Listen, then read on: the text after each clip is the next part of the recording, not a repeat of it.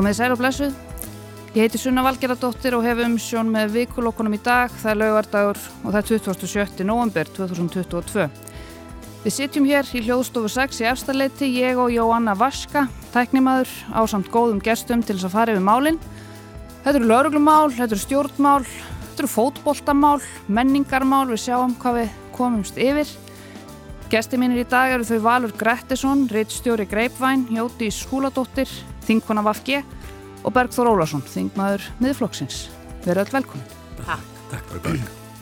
Valur, mér langar að byrja á þér. Það er alltaf gott að, að byrja á fólkinu þar sem einhver tímamót Já. eru framöndan. Það eru tímamót framöndan hjá þér. Einmitt. Ég er að hætta sem reystur í Reykjavík Greipvæn hérna, eftir uh, fimm ára reystjórn þar sem er nú svona ágætis svona líftími reystjóra svona á, í íslensku fjölmjöla landslægi. Getur við aðeins bara fyrir hlustendur okkar sem eru kannski utan höfuborgarsvæðisins og þekkja kannski ekki almennilega Reykjavík Greipvæn. Reykjavík Hvað Greipvæn. er Reykjavík Greipvæn, svona konseptið? það er svona eitt, eitt af eldstu menningartímarinn landsins, hefur verið hér síðan 2002.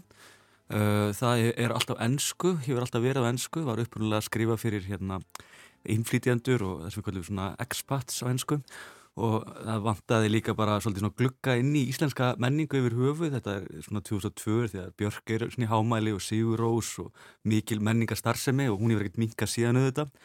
Uh, og svo auðvitað eftir hrunni þá breytist ímislegt og þá að auki koma hérna fer, ferða yðnaðurinn úr einhverju 400.000 ári upp í 2 miljónur ári. Þannig að blaði svona öðlast nýtt líf svolítið í því umhverfu þetta saman. Og svo kem ég þannig að 2017 og fer með það svona í kannski svona borgarilegri listræðni svona, svona hérna áttir og við fyrum að fjalla enn meiru menningu þetta. Þú kemur þetta inn, það var búið að vera þarna smá hafari Jú, einmitt, það kom hana upp leiðindamál sem var viss kynferðisli áreitni hjá, hérna, ja, meint kynferðisli áreitni alltaf þess ekki er réttast að segja það hjá fyrirverandi réttstjóra og, hérna, hann var látinn fara og svo komu nokkrir á milli sem voru nú alveg ágættir en voru skamlífir og svo tek ég við þarna e, eftir að ég hafi verið á frettatímanum og þá er ég bara búin að vera í frettum bara að ég myndi að skrifa um glæpi og annað eins í ykkur tíu ár. En ég hérna, en var með svona, svona hefði skrifað auðvitað skálsög og leikrit og ég hef líka verið með svona ég hef reynd að fá að vera í menningu en ríðstjórnum mínu leiði mér aldrei. Þeim fannst ég alltaf góður í frettunum til þess að sóa mér einhvern veginn í þessa menningu. Að, hérna, og svo var ég auðvitað þannig að á, hérna, á blaðinu og að auki þá gerðum við þetta svolítið áhugavert sem er að við byggum til YouTube rás eh, sem er náttúrulega einhver, einhver framtíða músíkur fyrir marga hlustendur. En það er hérna, þar sögðum við raunverulega bara fréttur, ég tók alltaf hundin með mér. Og við og hún heitir aftur hún heitir Polly og hún hefur þann eiginlega að geta brosað Þetta er svona border collie. Border collie og pulsuhundur blanda.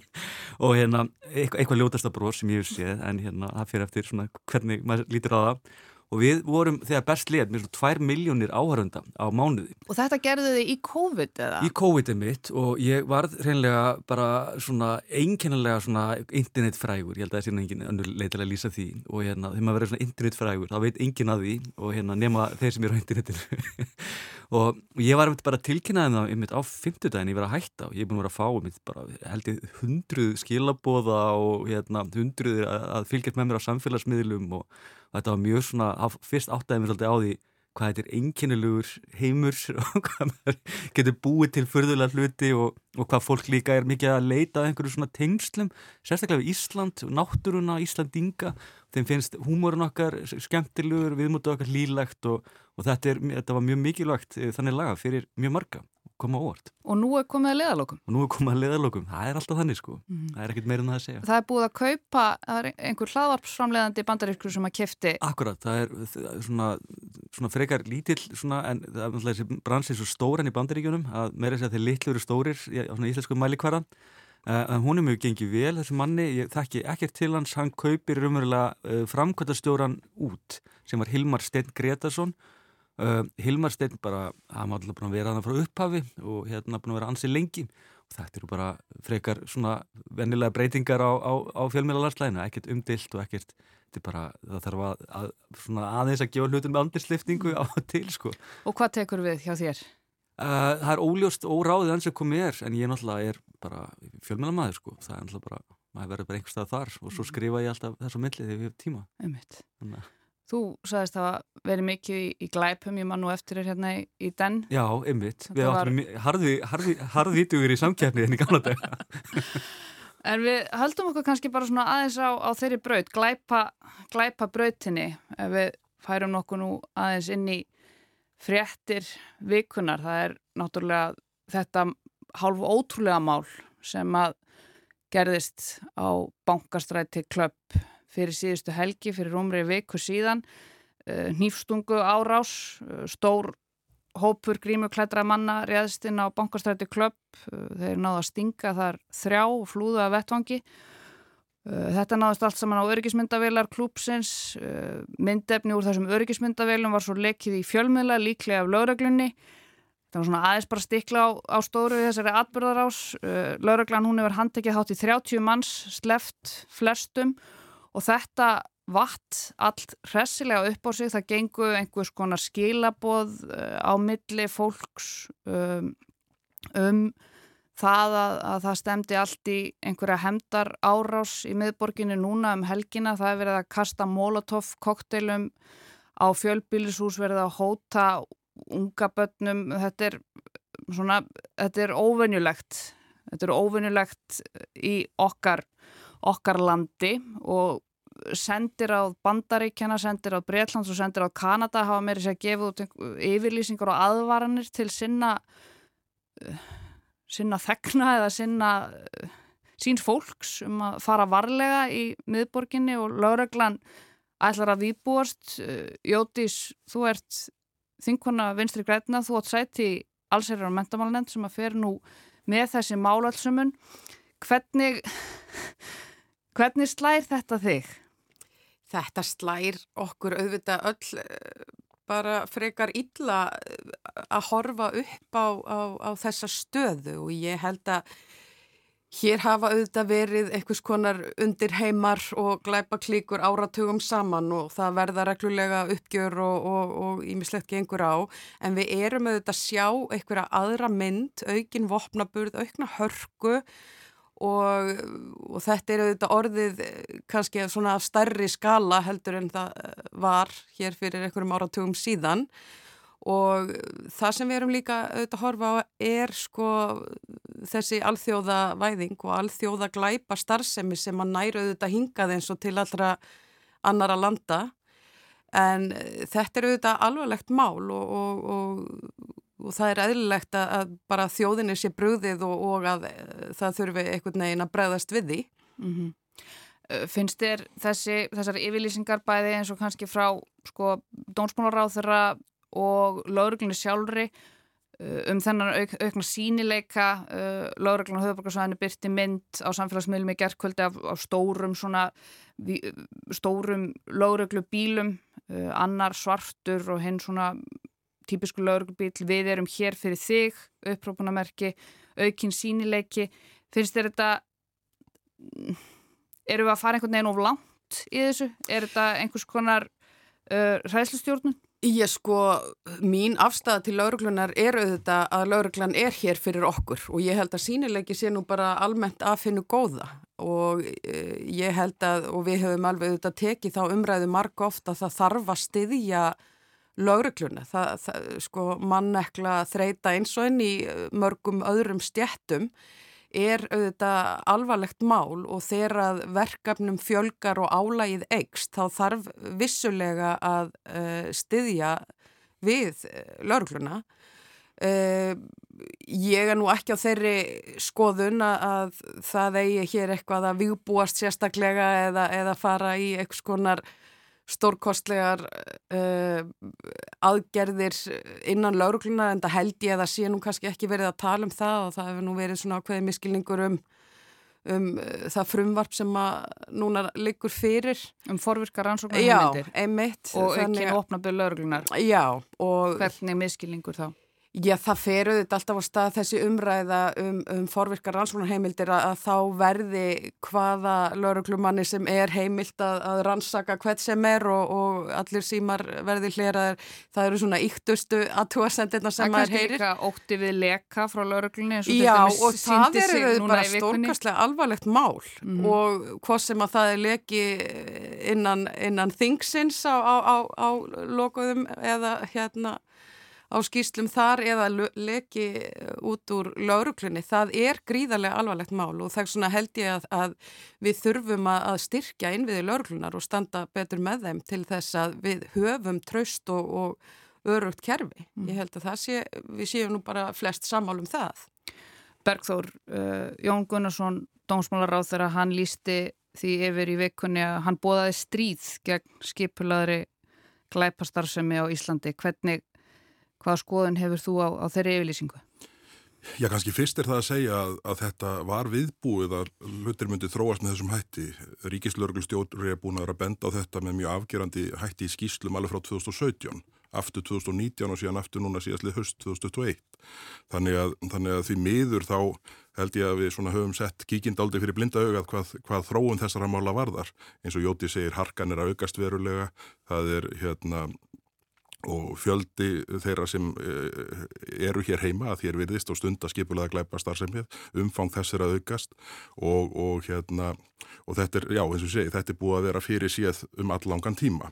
E, það að e, dónsmálaráð þeirra segist alltaf í stríð e, gagvart e, skipulaðri glækbastarsemi, ég held að það sé nú í sjálfu sér bara svona ágættis skilabóð e, sem eru sjálfgef hjá stjórnmálamönnum í dag því miður, að menn tali skýrt og, og, og stýði fast til jarðar. Hvað síðan, þannig ég held að þetta sé nú, ég skil þetta meira sem svona skilabóð frá dónsmálaráð þeirra þess efnis að þetta verði ekki látið svona, uh, svona óáreitt. En þú talar um að hann sé sjálfgeft hann er að tala skýrt. Um hann ætli í stríð. Finnst þetta skýrt? Hvað já, hann meina? Já, ég held að ég, ég, ég sá nú fyrir mér Halldóru Geirharsdóttur á plakatinu í Kona fyrir stríð þegar ég sá þessa fyrirsök fyrst en, en ég held að sé nú enga síðu þannig. Ég held að Jón Gunnarsson hafi ekki séð það fyrir sér. Þegar... Nei, nei það, það, ég, ég finnst að það sé alveg rétt að það hefur verið sitt hver hughrifin en hérna, en uh, Eh, við erum mjög lítið fyrir það orðið í dag íslenski stjórnmálamenn og ég ætla nú ekki að fara að hérna, leggja mælistig á þá sem er í nákvæmlandum okkar að svona eh, stíga fast inn í mál og ég held að það sé ágætt að dónsmálar á þeirra í þessu tilviki ætli sér að gera það. Ég er miklu meiri áhugur af því að, að stjórnvöld hafi það helst á sinni stefnusgrá að, að skipta út dónsmálar á þeirra á þenn tíma sem að, sem að hérna, uh, staða mála er jafn snúin og hún er í, í þessu umhverfi. Þannig að það að dónsmálar á þeirra hafi orðað þetta með þessum hætti. Ég kýs að uh, skilja það sem svo að það verði uh, farið, hvort sem það er skoðurmála, til, til dæmis bara það. Ég held að uh, lög, það mætti mikið upp á það að lögreglan hafi styrk og getu, fjárhagslega, tæknilega og mannapslega til að nýta þær heimildir sem að lögreglan hefur í dag til þess að hérna, berjast gegn uh, eh, skipulari glæpastarsimi og það er auðvitað umræðið sem við þekkjum ár eftir ár eftir ár í tengslum við fjármögnun, mönnun og annað slíkt. Þannig að ég held að innan núverandi regluverks sé tölvett svigurum til þess að, til þess að uh, bæta í hvað þessa baráttu varðar.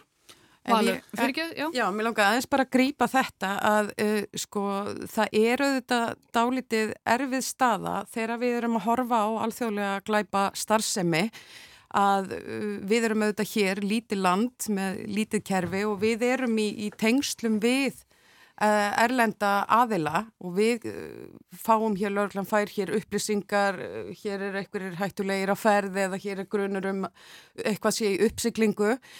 Lögurlan hefur ekki heimil til að nýta þessar upplýsingar eins og staðan er í dag. Þessar upplýsingar má ekki nýta fyrir dómi og, og annars líkt. Þannig að það er mikilvægt að ef við ætlum að vera hluti af svona alþjóðlegu starfi sem að er að berjast gegn glæpum að eh, þá verður við auðvitað vera virkir leikmenn mm.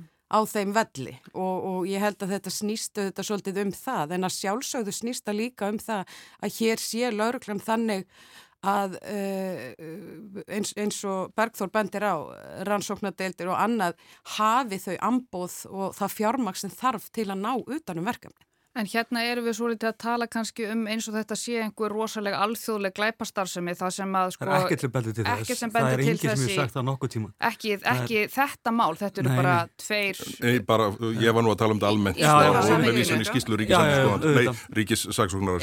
En varandi þetta málu þetta... Ríkislörglustjóra í þriðu til Ég skildi þið mig þannig, þetta var orðið mjög úrskýrt hérna. Mm. En, hérna, en akkur, það er ekkert sem bendur til þess að í það er þetta ekkert nýtt, þetta er ekkert óanlegt, þetta er bara, ég, við höfum séð þetta aftur og aftur og aftur, en ekki svona ofinbellega. Það er raunverulega henn eini, eini eðlismunurinn að þessu broti og fjölmörgum dómum sem við höfum lesið. En, en við þurfum náttúrulega ekki að fara langt aftur til þess að rifja upp aftökun í rauðagerði. Uh, já, einmitt, einmitt, ég er alveg sammála að það er ákveðin svona eðlisbreytinga eiga sér stað og hún er að koma til vegna þess að það er að koma ný kynnslóð hreinlega að glæbamönnum.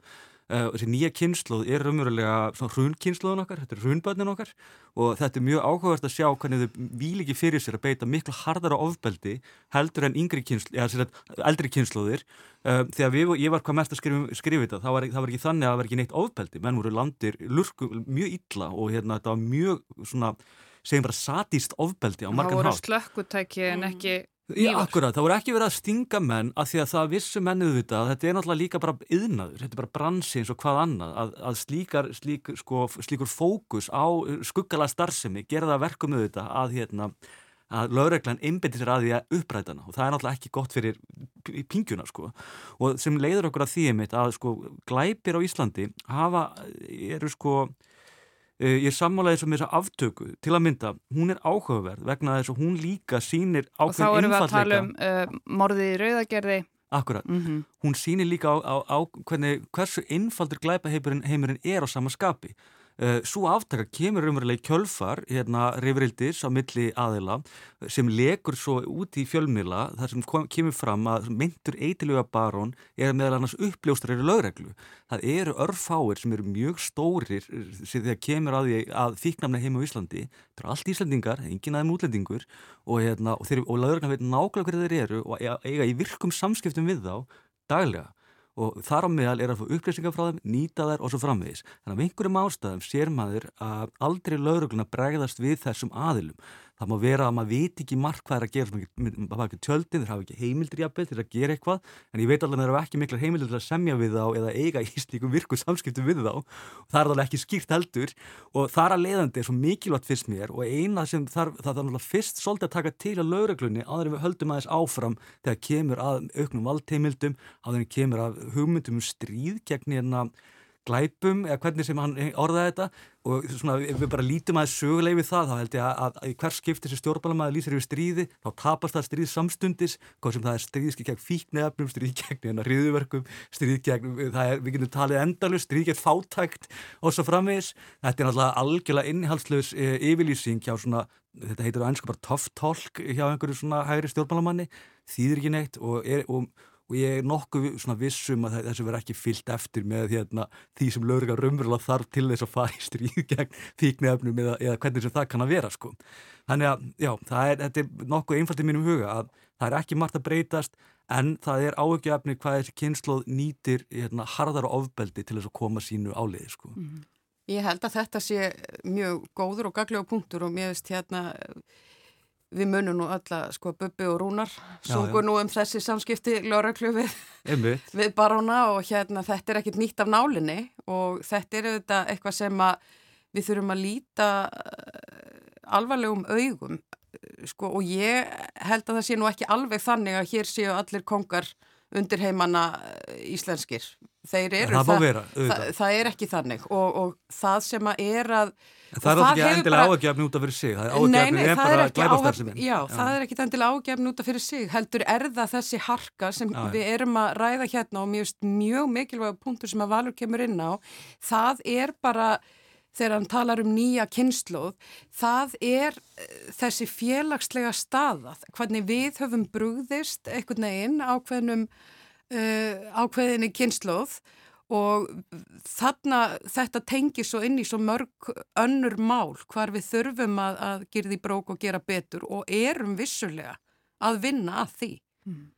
að grýpa fyrr að, að sko og þetta heyrum við hvað sem að það er hér á landi eða erlendis, við heyrum þetta á Norðurlöndunum að hérna börn sem eru kannski á einhverjum félagslegum jæðri eh, fátækt eh, og, og aðrar ástæður, þau eru útsettari fyrir að vera nota targetuð eða mm. sem sagt bara uh, að svona einhverjir eldri eða, eða fólk sem er komið í einhvers konar undir heima, setur um þessi börn og þeir hafa minni varnir. Þannig að mm. félagslegu stuðningur og uh, að grýpa fyrr inn í það eru svona, það er forsendur sem við höfum til að grýpa fyrr heldur en að viðbúast og fara nýri bæ mm. setna. Svo koma náttúrulega samfélagsmiðlarnir vantarlega inn í, inn í þetta líka þannig að þessi hópur verðist líka að vera að í rauninni groppa sig Já, af... verður svona romantík í kringum þetta sem er mjög alvarlegt og sérstaklega kemur að fréttaflutningi. Þetta er einmitt þegar Jón Stóri, hérna, glæbamæður var hérna áður hann dó. Þetta var bara mein í samfélaginu. Fjölmjölamenn held að þetta væri svona einhver svona, segjum bara viðrinarsýning, svo við séum nú bara svolítið hérna, tölum illa um þetta alls saman. En þá, hérna, en þá yngri kynsluðu sá þetta sem eitthvað flott, sem eitthvað snildarlegt og vildu að eftir þessu og maður fann það áþrjávalega þegar maður er fréttum á þeim tíma að þau voru ekki að skilja þetta eins og fullana fólkið þegar þau sáu mjög svona harða glæpa með byrtast þeim uh, með, með í öllum þeim ljótleika sem það er sko En Bergþór, hvernig heldur þú að, að svona fréttir eins og til dæmis þessar, þessar ofinnjulegu yfirlýsingar uh, sendir á þarna, ameríska, breska og, og kanadíska, þar sem þau gefa út í rauninni aðvörun uh, um að fólk ætti að fara varlega í miðborginni vegna þess að það eru bara þarna glæpagengi gangandi laus með nýfa og geta bara stungið mann og annan. Hvaða afleðingar heldur þú að þetta hafi á svona hinn almenna borgara sem er kannski ekki að, að krönsa söguna eða, eða fréttinnar eða hvaða í rauninni hvaða personur og leikandur likja þarna að baki? Þetta getur auðvitað ekki verið til bóta en, en uh, ég hef ekki veitt í aðtegli til dæmis að stjórnvöldi í bandaríkjanum séu mikið að vara fólk við því að fara til Chicago þar sem glæpatíðin er hæðst sem uh, dæmi sér tekið. Þetta er stórfyrðulegt. Þannig, þannig að mér þótt þetta nú heldur undarlegar yfirlýsingar sendir á þarna og, og, hérna, og, og svona þær, þær frettir sem við sjáum eftir, eftir nóttin í nótt benda nú til þess að þetta hafi verið allt með tilturlega kyrrum kjörum. Það eru þetta og er í einhvers slags pissukjefni þarna e, í e, hver, hver er harðastur hverju sinni og, og e, það er vandamál sem að hefur auðvitað verið til staðar alla tíð með mhm. einum öðrum hætti. Þetta er bara nú er þetta komið á þessa samfélagsmiðla og, og ég held til dæmis að það sem til dæmis ef við vísum í þessa ungu drengi sem að voru þarna í VIP-herbygginu einir að mér síndist á bankastræti klöpp ég, ég reynlega trúi því ekki að þetta sé svona það sem svona megin þorri ungs fólks sé að sæki í sem fyrirmyndir. Nei, einmitt, vonandi ekki, en það er samt ekki alltaf þannig og hérna, en það er mjög mikilvægt að hafa í huga, sérstaklega var þetta yflýsingar sendir á þarna sem voru, ég er alveg samanlegaðir að það voru afar sérkynlegar, er að þessar árásir eru ekki tilvæmlega það er mjög mikilvægt að hafa það í huga. Þegar um leiðut að vera tilvæmlega um leiðut að beinist ekki sérstaklega að hérna, keppinauti í undirheimum eða eitthvað slíkt, þá er þetta orðið verulega hættulegt. Þá er alveg samanlega því að þessi tilefni til þess að vara við og svo framvegis. Þetta eru menn sem ráðast aðra menn og vita nákvæmlega af hverju það er að gera það og svo framvegis. Og þessi fyrirsjánleiki er með mikilvæg að kemur að glæpum. Það vita það allir að maður sem er með hníf og er ódregnarlegur er hættulegri á margan hátt heldur maður sem ætla bara að stinga eitthvað sem hann hann veit hann alltaf að stinga þetta er, þetta er ljót hugmyndafræðið en þannig er það samt. Bara einmitt á þessum nótum ég var skiptinum út í Los Angeles 1993-94 þá var þetta South Central upp á sitt vesta og, og staðan bísnarslæm en það svona uh, tröflaði fólk ekki mikið svona dagstælega en svo kom nefnilega einn frétt sem var gekk út á það að það var einhvert gengi búið ákveða það að keira um ljóslust uh, svona í kringum hérna, svona South Central svæðið og sá sem að myndi blikka þá myndi, er þið drefin. Þetta er svona eins og hillíksmynd. Já, já, það var, það var akkurat og það var einmitt þessi sko, hérna, allt í hennu hætti þetta að vera sko, hérna, targeterað á milli gengja einmitt. og bara Jón Jónsson gætt lendi í þessu sko, þannig að það, það, það var sko, umræðan fór algjörlega hliðina út af þessu sko öðratrið sem var, síðan auðvitað ekki neitt. Sko. Nei, nei, og en, það, það er ákveðin skilningur einmitt um þetta í, í hérna, hjá lauruglu og fjölmjölum og þetta eru fréttina sem við sjáum er þetta óvennulega. Ég meina, venjulegi glæpir eru daglegir og í fréttunum og svo framvegis en enda ekki á fórsið vegna þess að þeir eru bara glæpir eins og annað. Já, ég hérna ætla að taka undir það að sko ábyrð fjölmiðla eru þetta gríðarlega mikið, hvernig við setjum það fram og hvernig við erum að uh, sko kynna hvað er að gerast og ala og óta, það er ekki gott. Og ég, við vitum það þetta að Ísland hefur þessa ímynd örugs samfélags og ég held að flestir uh, samborgarar okkar eru óhrætt að ganga um götur bæjarins og, og, hérna, og það er ímynd sem við viljum bara halda í og, og búa við. Uh, og annað sem að sko samfélagsmiðlar og og þessi svona stjörnu eitthvað neginn ímynd af glæbunum að nú eru þetta löngubúið að að uh, afsanna það að svo kenninga senda gamla fíkla inn í grunnskóla til að í einhverju forvarnaskyni, það eru þetta löngu liðin tíð og e, skilar ekki tilætluðum árangri, þannig að þetta er svona svipuðu kaliberi. Ef við mm. erum að uh, e, íta undir og stjörnu lýsa einhvers konar hegðun og einhvers konar lífstíl það, það fylgir því mikil ábyrð og, og hérna það er svona sem er þetta góður punktur hjá þér sko að þú veist og samfélagsmiðlar Fjármiðlar það gerði ítrekka, samfélagsmiðlar gerði líka. þetta er, bara... þetta er ekki gott sko. Nei, þetta, og þetta, þetta úr, úr þessu verður bara miskilningur, maður heldur að maður sé svo Þetta er eins og að vera að gera grína að vanta svona kaldanisskallin einhvern veginn til að láta fólku vita hvað maður er að meina. Kaldanin er bara dauð af því að interneti bara höndlar henni ekki. Bara Twitter er bara banalt og leiðilegt og bara, það verður að bara vera fullkomlega skýrt svo heimskast í maðurinn í herbygginu skiljið það sko. Það er náttúrulega hræðileg þróun að kaldanin sé döð sko og, hérna, og ég held að sko við þurfum einhvern ráðum að hérna, reyna að verja hana og, og endurlinga. þetta verður allt, já, þetta verður allt svo leiðilegt eins og þetta er núna sko. Um, það væri að því að var nefnt áðan sko hérna það að sko það væri verið að svona íta þess, dómsmálar á þeirra væri að íta svona þessar umræðu að einhverju marki áfram á forsendum hræðslu. Já. Uh, sko við erum auðvitað nýkomin út á tímabili það sem sko þjóðinni allri var haldið sko logandi hrættri mm -hmm. við, hérna í gegnum COVID-tímabilið. Þannig að við erum búin að fara í sko gegnum bísnla, leifið mér að segja, alvarlegar og, og neikvæðar ja. æfingabúðir í þeim efnum að vera í þeirri stöðu að líftóran sé hrætt úr þjóðinni daginn út og daginn og inn í hartnær tvö ár. Að varast hópamyndanir fyrst út af COVID? Og... Já, ég meina við vorum bara í þeirri stöðu að það var verið að halda sko 11 manna badnaðamæli sko og nágrann ringdi í lögguna. Þetta var hann algjör geðveiki og hérna og, og sko, við þurfum einhvern veginn að sko reyna að stilla okkur þannig af að við leipum okkur ekki á þann vondastað aftur. En COVID gæti reynda verið hluti af þessari, þessari auknu, auknu ofbeldi sem við sjáum sem er einmitt þetta að uh, að COVID náttúrulega íkti allt, þetta var svolítið áhugast að sjá þau þetta, íkti mistök þjóðleitt og íkti hérna svona stórgóðsleg hérna, hérna afreg annara skiljurum og hérna og eins á heimilónum, ég fann þetta alveg bara mínu heimili, þetta íkti svolítið upp, maður fann alveg bara, hvað verður þetta? Verður þetta algjört ruggli tvö ár eða verður þetta bara me mega næs, nice, bara með fjölskyldunni? Og þetta reyndi sér betur fyrir að gott í okkur og íkti upp það góði í okkur og svo framvegis En það var ekki þannig á öllum heimilum, það er bara þannig. Og sérstaklega hjá að mitt yngra fólki sem ákanski í félagslegum erfiðum aðstæðum og heimilum sem staðan var erfið fyrir. Akkurat og þar ígir þetta allt svo mikið upp og þú, þú getur ímyndaði hvernig það er að losna út úr slíku helviti uh, í COVID-inu að þá kannski er líklegur og stingir einhvern heldur en ekki eins og það sem bara sagt. Og það var auðvitað þannig að einn stabilegt og það er að horfast í augu við það að þá breytust kurvurnar í rannsóknum um ofbeldi, heimilisofbeldið jógst mm -hmm. en það dró verulega úr kynferðisbrotum mm -hmm. sem að fylgja djaminu mm.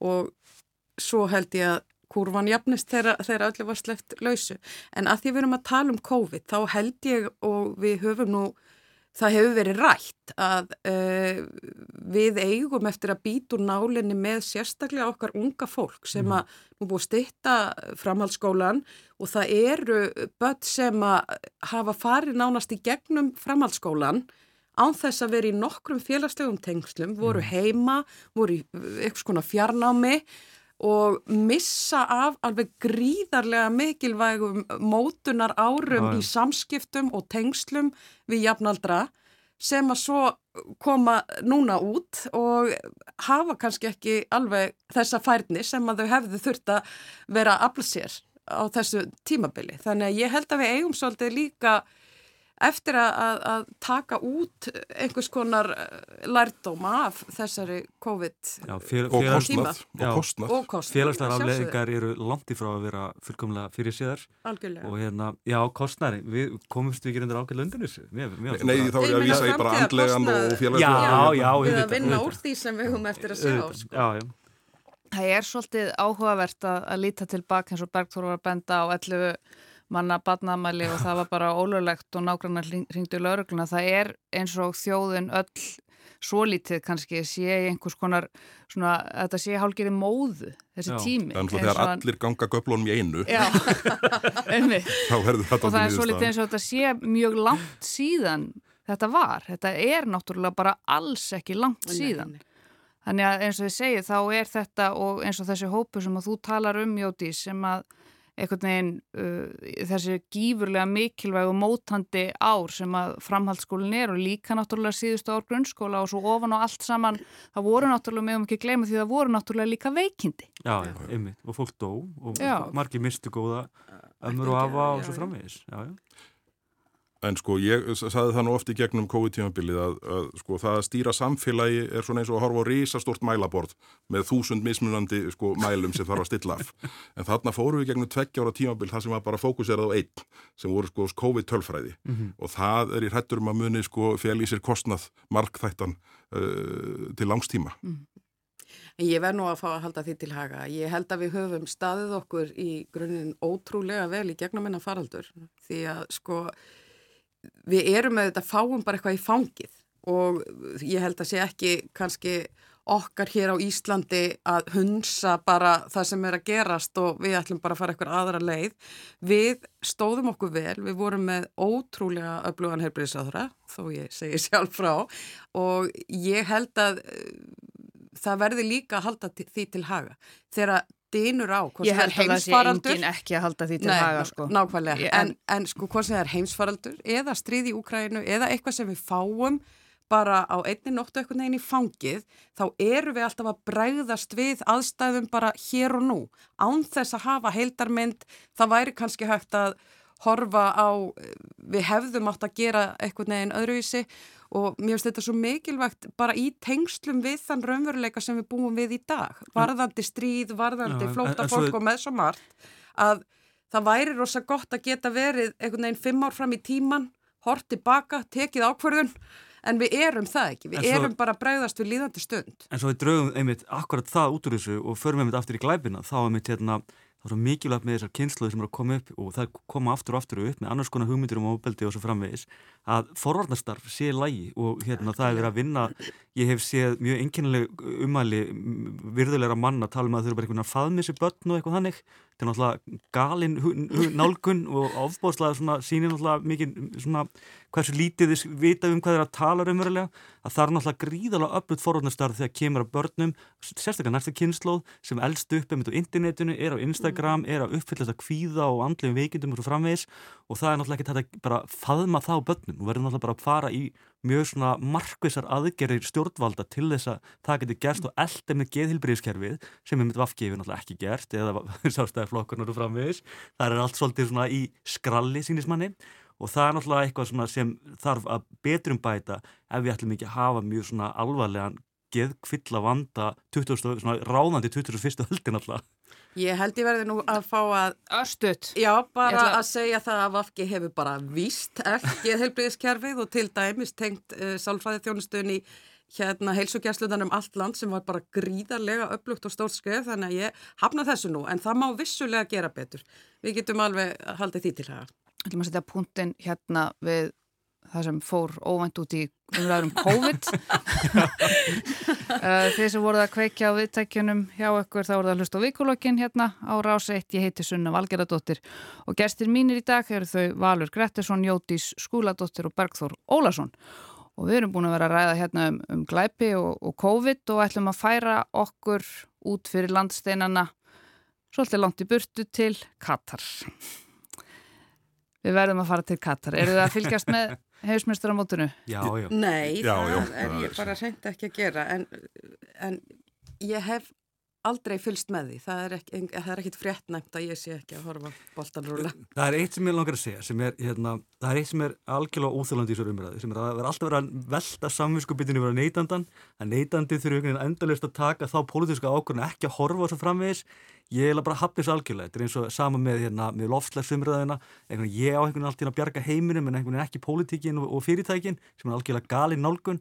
Uh, FIFA náttúrulega gjörsamlega klúðraði öllu því sem hættur að klúðraði koma Katar. Það er ofbáslega spillbandalag að því virðist, það er ofbáslega enginleg svona, hvað maður að segja svona það, maður sér að þessi, þessi mótur ídreika haldin í mjög svona vanþróðum ríkjum þessum líðræði mjög veikt að miklu peningar og mikil spilling er, ríkjandi. Það sama við Katar, sama við Rúsland og veistu, hvað sem þetta verður eiginlega næst hvað sem það verður í Kína uh, og hérna þannig að sko uh, Katar út af fyrir sig er náttúrulega bara þriðaheimsríki sem hatar LGBTQ plus hópin algjörlega út af af hjartans list það er ekkert hægt að gera við því. Það er ekkert nema við bara einhvern veginn förum bara og gerum innrásin í það land og bara breytum þeirra gildum að nú letni sem ég verð ekki reynst vel. Stríð gegn gildum katara Stríð gegn gildum kata, einmitt. Það er náttúrulega eina leiðin að leysa það. Ástæðan er náttúrulega svo að FIFA ákveður að haldi þetta þarna, það er náttúrulega grundvallega klúðrið og það er algjörlega ófyrirgjafulegt stopnarnir okkar og KSI um, jafnveg ríkistjórnin e, ekki það að ég myndi gera það endilega að þú kröfu til ríkistjórnin að það er einhverja pólitíska afstíðu sem málið þannig lagað hún alltaf hefur ekki gert það eða það nokkuð? Eða hérna allan ekki KSI og hérna en þeir eiga náttúrulega gaggrín í þetta en á meðan alltaf ég bara að fá að horfa fókbalt í friði ángrís, mér finnst bara heimsvæmstarkefni fókbalt mjög skemmtilega viðbörður ég hef engan áhuga fókbalt en, en það er gaman svona aðeins að, að vita hvað er að gerast í fókbaltinu svona fjórar að fresti. Bergur, horfðu þú á boltan? Já, já, ég er nú mjög illa veikur þegar kemur að knastbyrnu og, hérna, og hef hérna, fylg, fylgist vel með þessu. En þetta er náttúrulega eh, þessi aðdraðandi þessara keppni og, og, og þessi undarlega ákvörðun að haldana í Katar til að byrja með. En aðdraðandin og svona fyrstu dagarnir voru svona kannski, já, ég hvernig er best að orða það, Það, það var svona daldi mikil digðaflökun hjá þeim sem bestir vildu vera. Við sjáum til dæs Harry Kane, eh, Tottenham-mannin sem er eh, hérna, fyrirliði ennska landsleysins, fór miklar yfirlýsingar um það að hann ætlaði nú aldils að bera regnbúa fyrirliðabandið, svo einhvern veginn rennuð það át í sandir og hann mæti með einhvern 90 miljóna úr á völlin til þess að reyna bætu fyrir það. Einhver algjör furða. Sko, Þú heldur ekki með Tottenham sem sagt. Nei, nei, nei, ég er mikill mannsestumöður. En uh, heldur einhverja furðulegustu ingangsræðu bara fullkomlega gali Já, hún sko. var eiginlega fyrir þau sem ekki uh, til þekka þá var hann Gianni Infantino fórsett í FIFA talaði í klukkutíma yfir hausamótunum á bladamönnum uh, í aðranda mótsins rétt áður en að það var sett um síðustu helgi þar sem hann uh, setti sig á mjög undarlegan hátt í, í spór hinna og þessa hópa.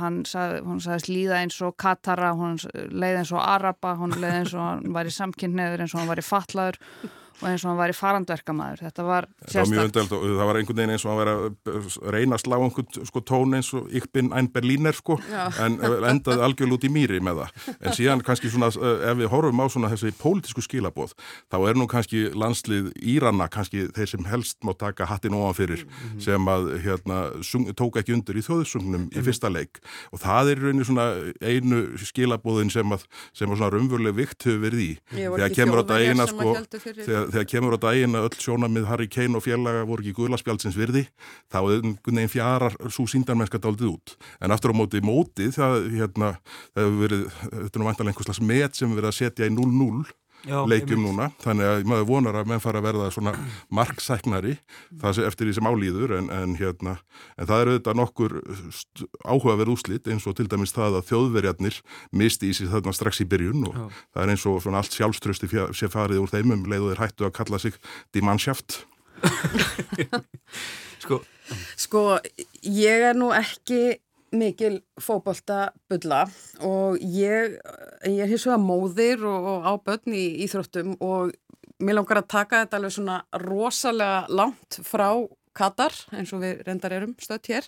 En sko ég held að við höfum einhver staðar á leiðinni pínu mist eh, fókusin af, af, af tilgangi og, og, og hví, því hvað íþróttir eiga að vera og það kristallast í þeirri stjórnlausu pólitík og peninga ruggli sem að einn kennir svo þegar við komum að stormótum og ég held að við getum hort hér bara niður í yngstu árgang á Íslandi þar sem að sko metnaðurinn og keppnisandinn og, og að skara fram úr er alltaf orðin yfir Uh, hérna einhverju svona heilbrið sáli hraustu líkama og ég er ekki bara að segja þetta, þetta er bara eitthvað sem ég hef upplifað í, ekki bara í fótbolta, heldur í mörgum íþróttagreinum að þú veist og það er rosalegt álag á, á börn og kvíði og, og keppnispressa og ímislegt sem að við gætum verið að gera betur en ég held að þetta sé ákveðin grunnur sem að byggja svo upp í þetta sem við erum að horfa á.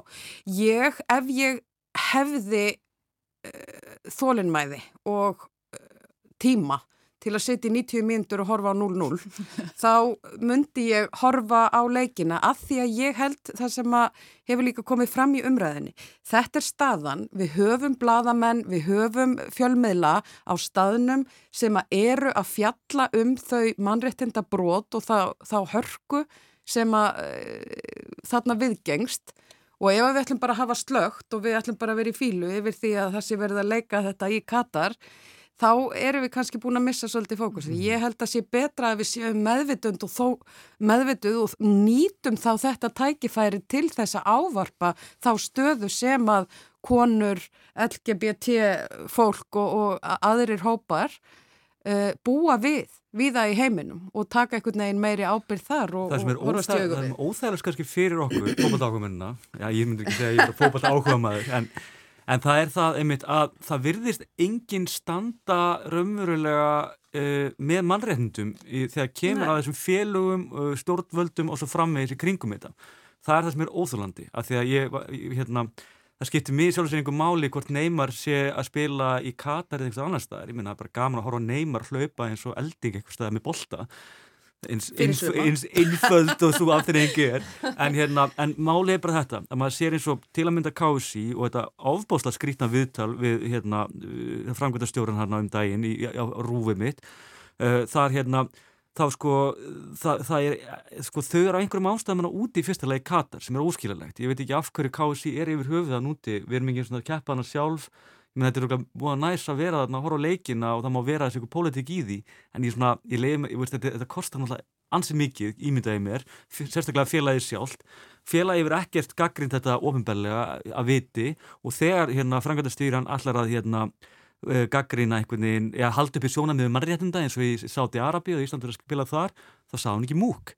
Af því að það er bara greinlega á engan hátt sérstaklega svona framalega á þeirra aðgerralista að gaggrína eða halda upp í sjónamöðum um marréttindi sem er algjörlega skjön við þá kröfu sem er svolítið í gangi í Ísla, já, hjá Íslandingum í það minsta og sannlega flestum öðrum vestunum þjóðum með sér að í Þísklandi er þessu umræða mjög lífandi, mjög skemmtileg. Það eru fyrirtæki, eru bara reynilega að fara í mál við, við ríkisvonvarpið þar og svo framvegis og hvernig sem það liggur En þannig að mér finnst vantar sterkari rött líka bara hjá hérna, ráður okkar þegar kemur íþróttamálum að gaggrina þetta og halda þessu sjónamiðum á lofti en í staðin er þið bara allir í Katar að horfa á fókbólta og segja ekki múk. Það, það er raunverulega að segja mér að veist, þeir eru bara til í þetta, þeir eru bara til í margændabrótið og það er bara ekkert flóknir þar. En er þetta ekki einmitt, ég held að þetta sé mjög áhugaveru punktur og sko, en eh, dregur þetta ekki einmitt fram hvaða er grund á svona hennum raunvörlugu sjónamiðum þegar kemur að döðaflökuninni sko. Þannig eru menn búin að fara svona með heiminskautum í alls konar yfirlýsingum til heimabrúks mm -hmm. en þegar hlutunum fyrir að kosta eitthvað mm -hmm. þá mæta menn bara með 90 miljón úrið sitt og láta það duga. Það er bara málið, það er nefnilega um leið, kannski veit KSI að það mun kostaði einhvers konar refsingu hjá FIFA að vera með eitthvað vesen, ég veit það ekki, kannski hérna, vilja þau ekki endur spekla við þar Íslandingar sem eru almennt bara vilja ekki að þessi vera kúa fólk. Það er svona fyrir eitthvað basic, ég veit ekki hvað það sé döðaskreiting en ég held að það er svona almennt svona fólk vilja almennt vera gott bara það kemur að lífinu sko Ég en kannski einmitt að hérna, svona kannski nota þetta orði í því samhengi að það sé ekki raunveruleg meining á bakvið Já, já, mm. já þetta er mjög óljós konsept sko, mm. það er náttúrulega einhverja félagfræðingar setjast niður og skrifa skýringuna Já, við getum kannski bara samanst um það hér að hvetja bæði stjórnmálamenn og íþróttafólk og aðra sem að eiga rött og eru að, að fara til Katar eða að, að, að steyðja við sittlið og, og annað að hérna nota röttinu sína, tala upp átt. Svo eru þetta þessi umræða sem að hérna er endalus, sko hvað réttlætir það eða útskýrir að uh, fyrst og fremst ungir kallmenn með svímandi háartekjur á viku eigi að vera einhverja sérstakar fyrirmyndir? Er eitthvað sem að hérna, undirbyggir það Já, að þeir hafi einhvern sko svona uh, síðferðilega kompás sem að hérna, uh, bendi til þess að, að, að, að þeir eigi að vera í þeirri stöðu frekar naðurir. Ég er alveg samanlega þessum það, það, það er oft gerðið svo krafið um einhvern veginn að bara fólki á gólfinu og fókbaltamæðurinn eins launahægur hann er raunverulega er, þá er hann samt bara maður á gólfinu sko bókstaflega, hann er bara á jörðina, í grasinu að spila fókbalta, en hann stýrir ekki neina, hann tekur ekki ákvörðun um hvað þetta á að vera eða af hverju þetta á að vera þar, hann tar ekki að verja þá ákvörðun, af hverju þetta þá að gera það einhvern veginn vellir. Ég, mm. ég, ég ger enga sérstaklega kröfu til fókbaltamannum að þeir hafi eitthvað annað en bara jákvæð gildi og, og, lífsviðþór til ungs fólks og bara og gerir það í verki, skiljuru en hérna, það eru þetta þeir sem taka ákvörðinu sem þurfa að svara fyrir hana og halda þeim sjónamum á lofti sem eru sambarlegum hérna, uh, aðstæðum í annar staðar í heiminum. Personlega finnst mér náttúrulega öll þessi fókbalta sambönd í Evrópu, uh, ef ekki heiminum ætti náttúrulega bara að stopna nýtt samband. FIFA er náttúrulega bara auglust árið bara það er ekki hægt að lifa við þetta lengur bara árið alveg drögg. Mm. Ég held að Bergþór hafi líka komið inn á daldi mikilvægan punkt að þetta eru þetta gríðarlega karlægur, karlægur heimur sem að hérna uh, með ótrúlega miklu fjármagni við heldur alls konar uh, kynja og ég breytti bara í heiminum og þetta er svo stert einhvers konar bræðralag sem að kristallast svo í FIFA að hérna ég held að við þurftum svolítið að endur skoða þennan legg, ég er alveg samanlega því og það hefur ekki með íþróttina sjálfa, íþróttamennina og við höfum auðvitað séð bara ákveðna byltingar, nútímin er að hafna kynferðisbrotum og öðru sem að hefur verið þakkað gríðarlega mikið innan íþróttarhefingarinnar, þannig að við erum vonandi á réttri leið en, en, en það er langt í land sko. Var þetta sem þú varst að segja, Bergur? Ég, ég snýði öllu. Kynja mér sér þetta Þetta var kannski ekki alveg punkturinn hjá mér Nei, en ég skil alveg hvað hann hjóti sér að koma með þetta. hvernum standa. En kannski punkturinn var hann til þetta Því að við þurfum aðeins að setja þetta inn á bröðin aftur Er, sko þarna kemur aftur sko markaðurinn fyrirtækin stýra því að þetta að peningarnir eru miklu meiri í kallaboltanum heldur en kvennaboltanum hvort sem það er sangjartið ekki Mjög sko. áhugaverð, svo við færum okkur hingað heim sko, uh, áhugaverð fjartaskynning og kjarnanum í vikunni þar sem að kom fram að karlaliðin í efstu deildi í fótbolta fá 20 miljónir í réttindagreðslur en kvennaliðin fá 2,5 í réttindagreðslur um, og við erum náttúrulega líka sko, uh, strákarnir okkar erum nú búin að ganga í gegnum heldur betur storm í tengslu við MeToo-byltinguna þannig að þegar þú talar um fyrirmyndir uh, þinna batna og, og, og það sem að þú komst líka inn á Bergþór þannig að þetta er hvort sem að þeir eiga að vera fyrirmyndir eða ekki þá eru þeir það. Já, við skulum alveg átt okkur á því að þetta byrjar í yngstu flokkum. Þar sem að byggarinn fyrir strákana er helmingi stærri en byggarinn fyrir stelpunar og þannig bara höl, við höldu við þessu kerfi. Þetta er auðvitað óbóðlegt og fullkomlega galið. En, en kynja mér seti er það auðvitað, já, hvort sem það er íþróttum. Og svo kristallast þetta líka einhvern veginn þar sem við erum að sjá sko, heimsmyndstaramót Karla í knatsbyrnu í Katar þar sem að þúsund manns taka þátt í opnunaratöfnunni, menn að, að hoppa já, og dansa og sveibla einhvers konar sverðum og ekki ein kona sínileg. Og svo ég tala ekki um að, að það eru bara fæst knaspinu sambönd sem er aðelda að FIFA sem er yfir hufað gaggrinni þetta. Þegar ef við getum ekki staðið með mannréttundum í heiminum, þá bara hvernig ætlaði að staðið með jafnrétti í svona eigin landi. Þannig að það bara, það er eiginlega svona hálf ungun að vera staða fyrir þessi sambönd að sjá þetta sko. Og sem neytandi, af því að mér finnst gott að geta horta fókbalta, helst án samvinskupi sem er alveg reynskilin, þá hérna, ekki það veist, að ég, ég get svo sem ignora það svo sem, en hérna, En þá vil maður bara reynlega að samviska sín sé hrein upp að því leiti að stjórnvöld eða í þessu tilfelli KSI sé að, að standa fyrir gildum sína þjóðar sem hún er ekki að gera. Ertu sammálað þessu Bergþór? Þetta er náttúrulega alltaf svona dálítið snúið eiga hvernig við blöndum saman stjórnmálum og, og íþróttum. Já, það er rétt. Það er, það er til dæmis í kringum ólimpíuleikan er mikið lagt upp úr því að, að, hérna, að stjórnmál eigi að vera annar staðar en á þeim leikum hverju sinni. Uh, Ég held að eh, stjórnmálinn kannski hafa átt svona eh, greiðari aðkomað mörgum öðrum risa, risa viðbörðum en, en ég held að þegar öll er á botning kvöld þá, þá, eh, þó að þessi undarlega ákvörðin hafi verið tekin á sínum tíma halda mótið fyrst í Rúsland og síðan í Katar og við þekkjum líka fyrir, hérna, fyrir hvernig það atvikaðist svona í megin dráttum þá, þá, þá held ég við, verðum líka að leifa þessari fallegu íþrótt fótbolltarum að rúla og, og njóta og, og kannski saminast í kringum einmitt sportið mm -hmm. sem er miklu meira saminningarafl heldur en nokkuð tíman alltaf sem sundrar okkur dagstæðilega. Ég samanlega þessu en það má samt ekki gleyma því að það er þetta hólvita það er þetta að taka fótboll út fyrir sig og ég gerir það en það er svo er ekkert hægt að ignora eða hérna, hunsa pólitíkina í þessu. Það er, alltaf, það er ekki þannig þar með sagt einhvern veginn að þegar við erum að spila fókbalta þá getum við ekki að tala pólitík. Það er náttúrulega bara gali Nei, ég sammálaði, var, svona, ég var ekki að reyna Nei, nei já, ég veit að maður sé bara svo marga í, sko, bara í einn alþjóðlega umræði reyna að setja þetta, stillir þetta þannig upp. Fókbaltis einhvern íþrótt, hún, hún er einhvern veginn yfir pólitík hafinn, en FIFA er hún að gert það að verkum, hún er það augluslega ekki. Og það er náttúrulega, þar eru við bara núna sko. Hvað segir þú Jótis, finnst þér pólitíkin, íslenska pólitíkin hafa verið nógu einhvern veginn uh, hafa látið nóga sér kveða í aðdraðanda þessa móts og núna þegar það er ferðið af stað? Ég... Heldur að við séum að halda á okkur höndum kannski stjórnmála, að stjórnmálafólki sé að halda svolítið að sér höndum vegna þess að við erum ekki þarna að keppa? Ég veit ekki hvort að það sé þá eitthvað neður svona þægilega að þurfi ekki að ávarpa það því að við séum ekki á staðnum en ég held það og ef ég tala nú bara fyrir mig að eh, það er alltaf mikilvægt að láta í sér heyrað. Við eigum alltaf að standa með mannréttindum og ávarpa það og ég held að sko við gerum það alla jafna nokkuð vel en varðandi þessi mót þá gætu við gert betur og ég sko hef nú bara ekki fylst alveg nógu vel með núna en, en þessi umræða var auðvitað mjög mikið líka á síðasta móti og, og þá var uh, hérna mikil umræða hvort ráð þeirrar fórsetin og aðrir ætluð að mæta vegna staðsetningarinnar og ég held að sko umræðan er alltaf á hennu góðu og við eigum að taka skýra afstöðu. Mm. Færum okkur aftur frá Katar og, og hingað heim. Um, það var alls konar að gerast í gerð þetta tók nú eftir því bara bæði á samfélagsmiðlum í, í gerðkvöldi og svo þegar maður skrólar svona yfir viðbyrjadagsgrána það voru svona stórir menningar viðbyrðir hér Já.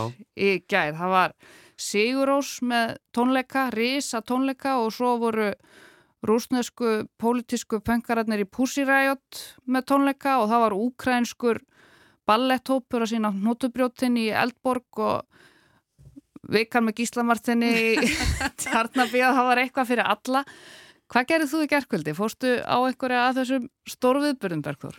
Herðu, nei, ég var nú bara hérna á uh, svona samkomu sem miðflokkurinn held no. í gær þannig að hérna þannig að Það hefur nú verið hámenningarlegt Það var nefnilega hámenningarlegt og mjög þjóðlegu matur þar á borðum þannig að hérna þannig að ég vil mikið er alveg ótrúlega að það verið saða frettir að því, því þeir, þeir eru góðu, góðu tröstu sam, samkomu, já, einmitt. En hérna það var nú svona megin, megin hlutin og svo hérna, svo var ég nú svona bara svona heima við þegar leið á kvöldið þannig að hérna en, en en hérna bæti úr með því að fara í, fara í hérna ammæli hjá bróður sinni mínum og eftir það sem, sem átt ammæli gær er í góli og þar trygg, mun ég tryggja það að ég grennist ekki þessa helgina frekar allar hinnar. Valur, gerir þú eitthvað af þessu? Nei, ég, ég sendi fulltrúa bladamenn á þetta allt saman en hérna, uh, en Uh, nei, ég var bara með fullt hús af börnum það var nú bara eitthvað svona hérna, það var nætugistingar og hérna, mikið fjör við hérna, var hort á ofriðtumyndir og, og svo ótefnilega mikið einhverju tölvuleiki spilaðir og svo framvegis og hérna, en nei, nei, þetta var náttúrulega svolítið áhugavert líka eins og með Sigurós þá hérna, að mikið af fólki bara sýta í sambandi við okkur sem er að koma til Íslands utanfrá ég held að mm. líklega langt flestir á þessu tónleikum ekki verið Íslandingar Einmitt. sem er mjög áhugavert í sjálfu sér og hérna líka bara áhvert alltaf að sjá Sigurós þeir náttúrulega eru uh, spila kannski meira núna en það er, það er ekki jafn auðvöld að sjá það að það var og ótrúlega upplifinu þetta Pussy Riot er líka að opna hérna, hérna síningu í Kling og Bang sem getur orðið mjög áhugaverð myndlistarsíning það eru er náttúrulega myndlistarkonur og það ég hérna sendi mitt hérna nafna minn Val Gunnarsson mitt á hérna á Pussy Riot í gerð til þess að segja mér allt um þetta? Voru þetta bara þessir einu tónleikar sem að þær eru ég, mér skilst það já, þetta já. sé bara one off eins og við séum einsku og það er og, og þær komast ekkert aftur heim? Nei, nei, það er og mér er sér á reistunarskristofunni okkur við erum með, eina að vera sko úkrænskur lærlingur hjá okkur sem læstist inn í að fyrir út í landinu sínu raunverulega og búin að vera svona hálfpartin hjá okkur bara í vinnu síðan þá sko.